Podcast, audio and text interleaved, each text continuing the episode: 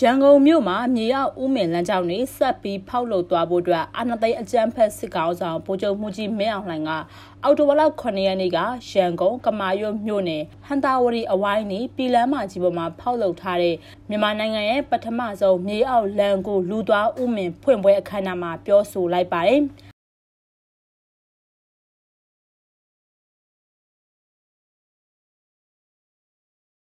ရန်ကုန်မြို့အတွင်းကလူဦးရေနဲ့ပို့ဆောင်စစ်တွေရေးတွေအခြေအတွက်တွေတိုးပွားလာပြီးလမ်းဧရိယာတွေတိုးချဲဖို့မဖြစ်နိုင်တော့တဲ့အတွက်နှစ်ထပ်လမ်းကြောင်းတွေမြေရောက်ဦးမင်လမ်းကြောင်းတွေမဖြစ်မနေလှုပ်ဆောင်မှုအတွက်လိုအပ်ပြီးအခုမြေရောက်လမ်းကိုလူသွားဦးမင်ဟာမြေရောက်ရထားလမ်းအကောင့်ထဲပေါ်ဆောင်ဖို့လုပ်ငန်းတွေရဲ့ကနဦးခြေလမ်းအစဖြစ်ပြီးဆက်လက်ပြီးတော့လည်းလှုပ်ဆောင်သွားဖို့ကိုစစ်ကောင်းဆောင်ကပြောဆိုနေရပါ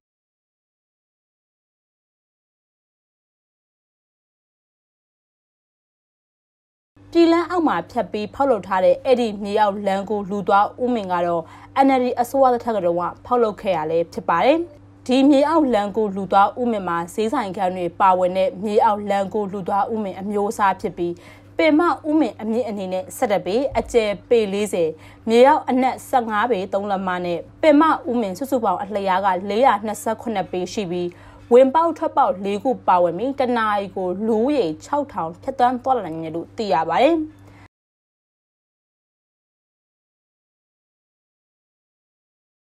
ဒါအပြင်ရွှေလျားဆက်လီက3စင်းနဲ့တက်ကြီးရွှေတွေမတန်ဆွမ်းသူတွေအတုံးပြုတ်ဖို့ဓလီက2စင်းနဲ့ဈေးဆိုင်ခန်းပေါင်း18ခန်းထည့်သွင်းတိစောက်ထားရလဲဖြစ်ပါတယ်။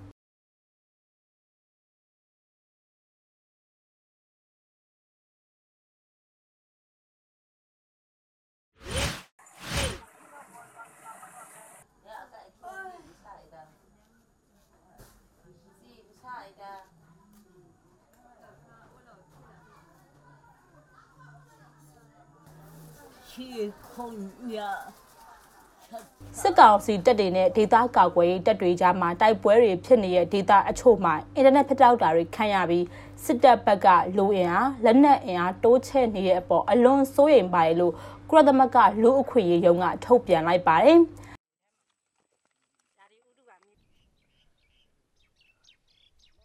ချင်းပြည်နယ်အတွင်းကဟာခါနဲ့ကံပက်လက်မြို့နယ်စကိုင်းတိုင်းအတွင်းကမုံရွာနဲ့ကဏီမြို့နယ်တွေအပါအဝင်မကွေးတိုင်းခံကောမြို့နယ်တွေမှာအာဏာသိမ်းစစ်တပ်ကလက်နက်ကြီးတွေနဲ့စစ်တပ်အင်အားတွေတက်ဖြန့်ချထားပြီးထိပ်ပိုင်းယာတို့အဆင့်ရှိတဲ့တပ်မှုနှစ်ဦးကိုပြောင်းရွှေ့နေရာချခဲ့မှုတွေနဲ့ပတ်သက်ပြီးတော့စိုးရိမ်ရလို့ကုလသမဂ္ဂလူ့ခွေရေးမဟာမင်းကြီးရဲ့ပြောခွင့်ရပုဂ္ဂိုလ်ဟာအော်တိုဘလာ၈ရက်နေ့မှာထုတ်ဖော်ပြောဆိုလိုက်တာဖြစ်ပါတယ်။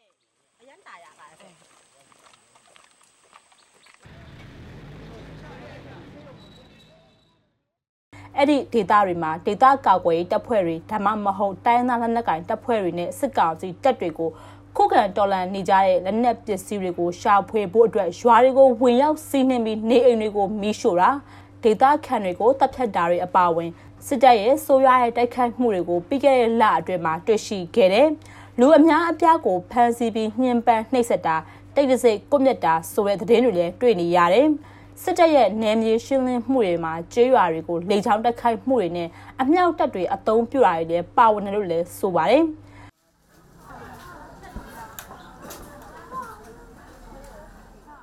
မြန်မာပြည်သူတွေပေါ်ကျူးလွန်နေတဲ့ကြီးမားတဲ့လူအခွင့်အရေးချိုးဖောက်မှုတွေကိုကာကွယ်ဖို့အတွက်နိုင်ငံတကာအတိုင်းအဝိုင်းအနေနဲ့လည်းတညင်တကြွတဲ့ထုတ်ဖော်ပြောဆိုဖို့ကိုလည်းဆွစ်ဇာလန်နိုင်ငံဂျနီဖာကုလသမဂ္ဂလူ့အခွင့်အရေးဆိုင်ရာမဟာမင်းကြီးရုံးကတိုက်တွန်းလိုက်တာလည်းဖြစ်ပါတယ်။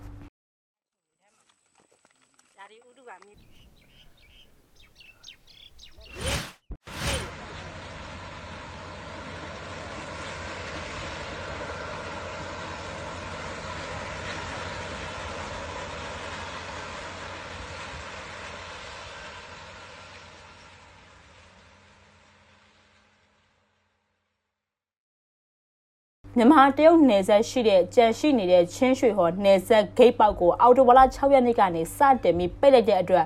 တရုတ်နိုင်ငံကိုတင်ပို့မဲ့မြန်မာကြံတန်ချိန်9သိန်းလောက်ကတင်ပို့မှုပါအခက်အခဲတွေဖြစ်သွားရလို့ကြံစိုက်ပျိုးထုတ်လုပ်သူတွေကပြောဆိုပါတယ်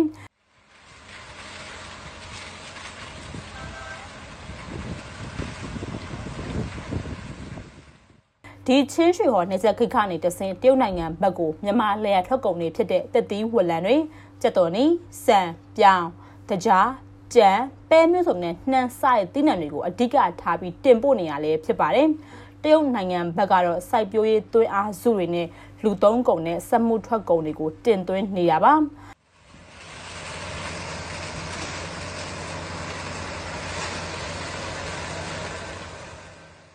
လက်ရှိမှာချင်းရွှေရောနေဆက်ခိတ်ပေါက်ကိုပိတ်လိုက်တဲ့အချိန်မှာပဲဂိုရောင်တွေမှာတရုတ်နိုင်ငံကိုတင်ပို့ဖို့အတွက်တကြားတွေစံပြောင်းပဲမျိုးစုံနဲ့နှမ်းဆရဲ့လေယာထွက်ကုန်တချို့ကကြန့်ရှိနေရလို့သိရပါတယ်။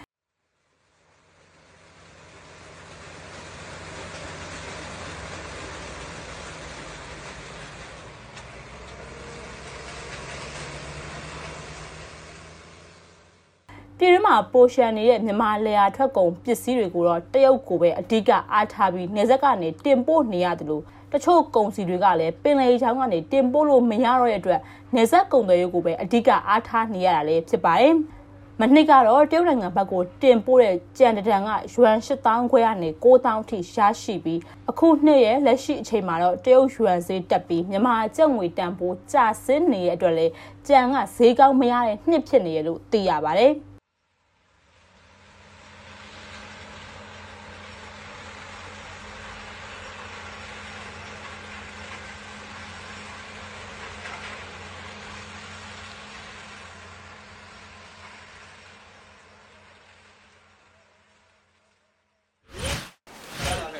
ကားထွက်လို့လို့ခဏလေးပဲအော်တိုဘာလအတွင်းမှာပြပကိုဇကွဲကိုတင်မောတင်ဖို့ရှိရတဲ့အတွက်ဇကွဲအမျိုးစားလိုက်တက်အိတ်ကိုကျက်3000ခန့်ဈေးတက်လာရလို့သိရပါတယ်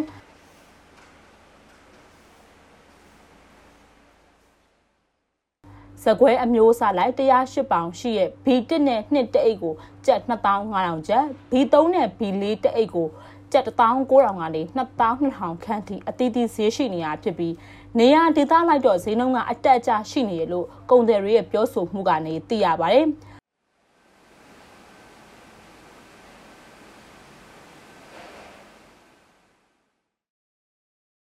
လက်ရှိဖြစ်ပေါ်နေတဲ့စံဈေးစကွဲဈေးတွေကတော့စဘာဈေးကွက်ပေါ်လိုက်ပြီးအပြောင်းလဲရှိနေပြီးစံဈေးစကွဲဈေးကောင်းလာရင်စဘာဈေးကပါလိုက်မြင့်တင်ဝယ်ယူလာရမယ်လို့လည်းသိရပါတယ်။ လက်ရှိမှာတော့ဇကွဲကိုတရုတ်ဘက်ထိုင်းဘက်နဲ့ဈေးကွက်လိုအပ်ချက်ရှိတဲ့နိုင်ငံတွေကိုတင်ပို့ပြီးပြည်တွင်းမှာတော့တရိတ်ဆန်အစာဈေးကွက်တွေကိုရောင်းချနေတာဖြစ်ပါတယ်။ပြီးခဲ့တဲ့ဘဏ္ဍာနှစ်မှာတော့မြန်မာဇကွဲတင်ပို့ထားတဲ့နိုင်ငံပေါင်း60လောက်ရှိတာဖြစ်ပါတယ်။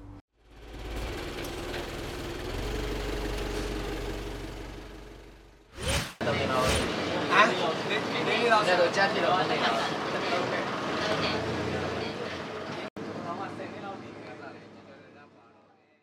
COVID-19 ရောဂါကာကွယ်ထိန်းချုပ်နိုင်ဖို့အတွက်ပင်လယ်ငါးဖမ်းလုပ်ငန်းအလုပ်သမားတွေကို quarantine ထားရှိဖို့အတွက်ဆွေးနွေးနေရလို့စစ်ကောင်စီလက်အောက်ခံစိုက်ပျိုးရေးမွေးမြူရေးနဲ့ဆယ်မြောင်းဝန်ကြီးဌာနကနေသိရပါတယ်။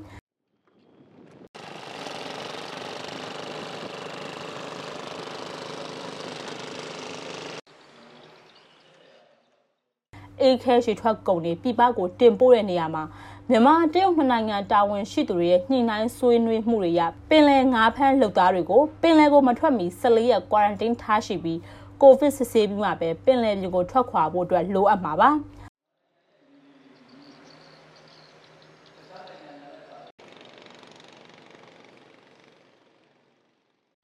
ငါးချစိတ်ကမ်းမှာရှိတဲ့စက်ရုံလုပ်သားတွေနဲ့ပစ္စည်းထုတ်ပိုးတဲ့ဝန်ထမ်းတွေကိုတော့ နှစ်ပတ်ကိုတစ်ကြိမ်ကိုဗစ်စစ်ဆေးပေးဖို့နဲ့ဌာနသက်ဆိုင်ရာအဖွဲ့အစည်းတွေလုပ်ငန်းရှင်တွေကြားမှာညှိနှိုင်းဆောင်ရွက်ရမယ်လို့ဆိုပါတယ်။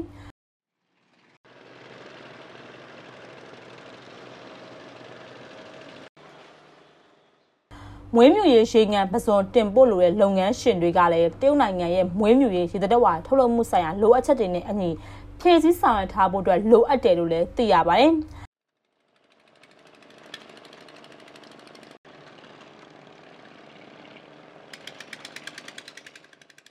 လက်ရှိမှာတော့ပုဂ္ဂလိကငါးပစွန်မွေးမြူရေးလုပ်ငန်း၃ခုရဲ့မွေးမြူရေးရှေ့ထွက်ကုန်တွေကိုတင်ပို့နိုင်ဖို့အတွက်တရုတ်နိုင်ငံအကောက်ခွန်အထွေထွေအုပ်ချုပ်မှုအာဏာပိုင်အဖွဲ့ GACC မှမှတ်ပုံတင်မှုလိုအပ်တဲ့အချက်လက်တွေကိုပေးပို့ဆောင်ရွက်ထားရှိပြီးဖြစ်တယ်လို့လည်းထုတ်ပြန်ထားတာဖြစ်ပါတယ်။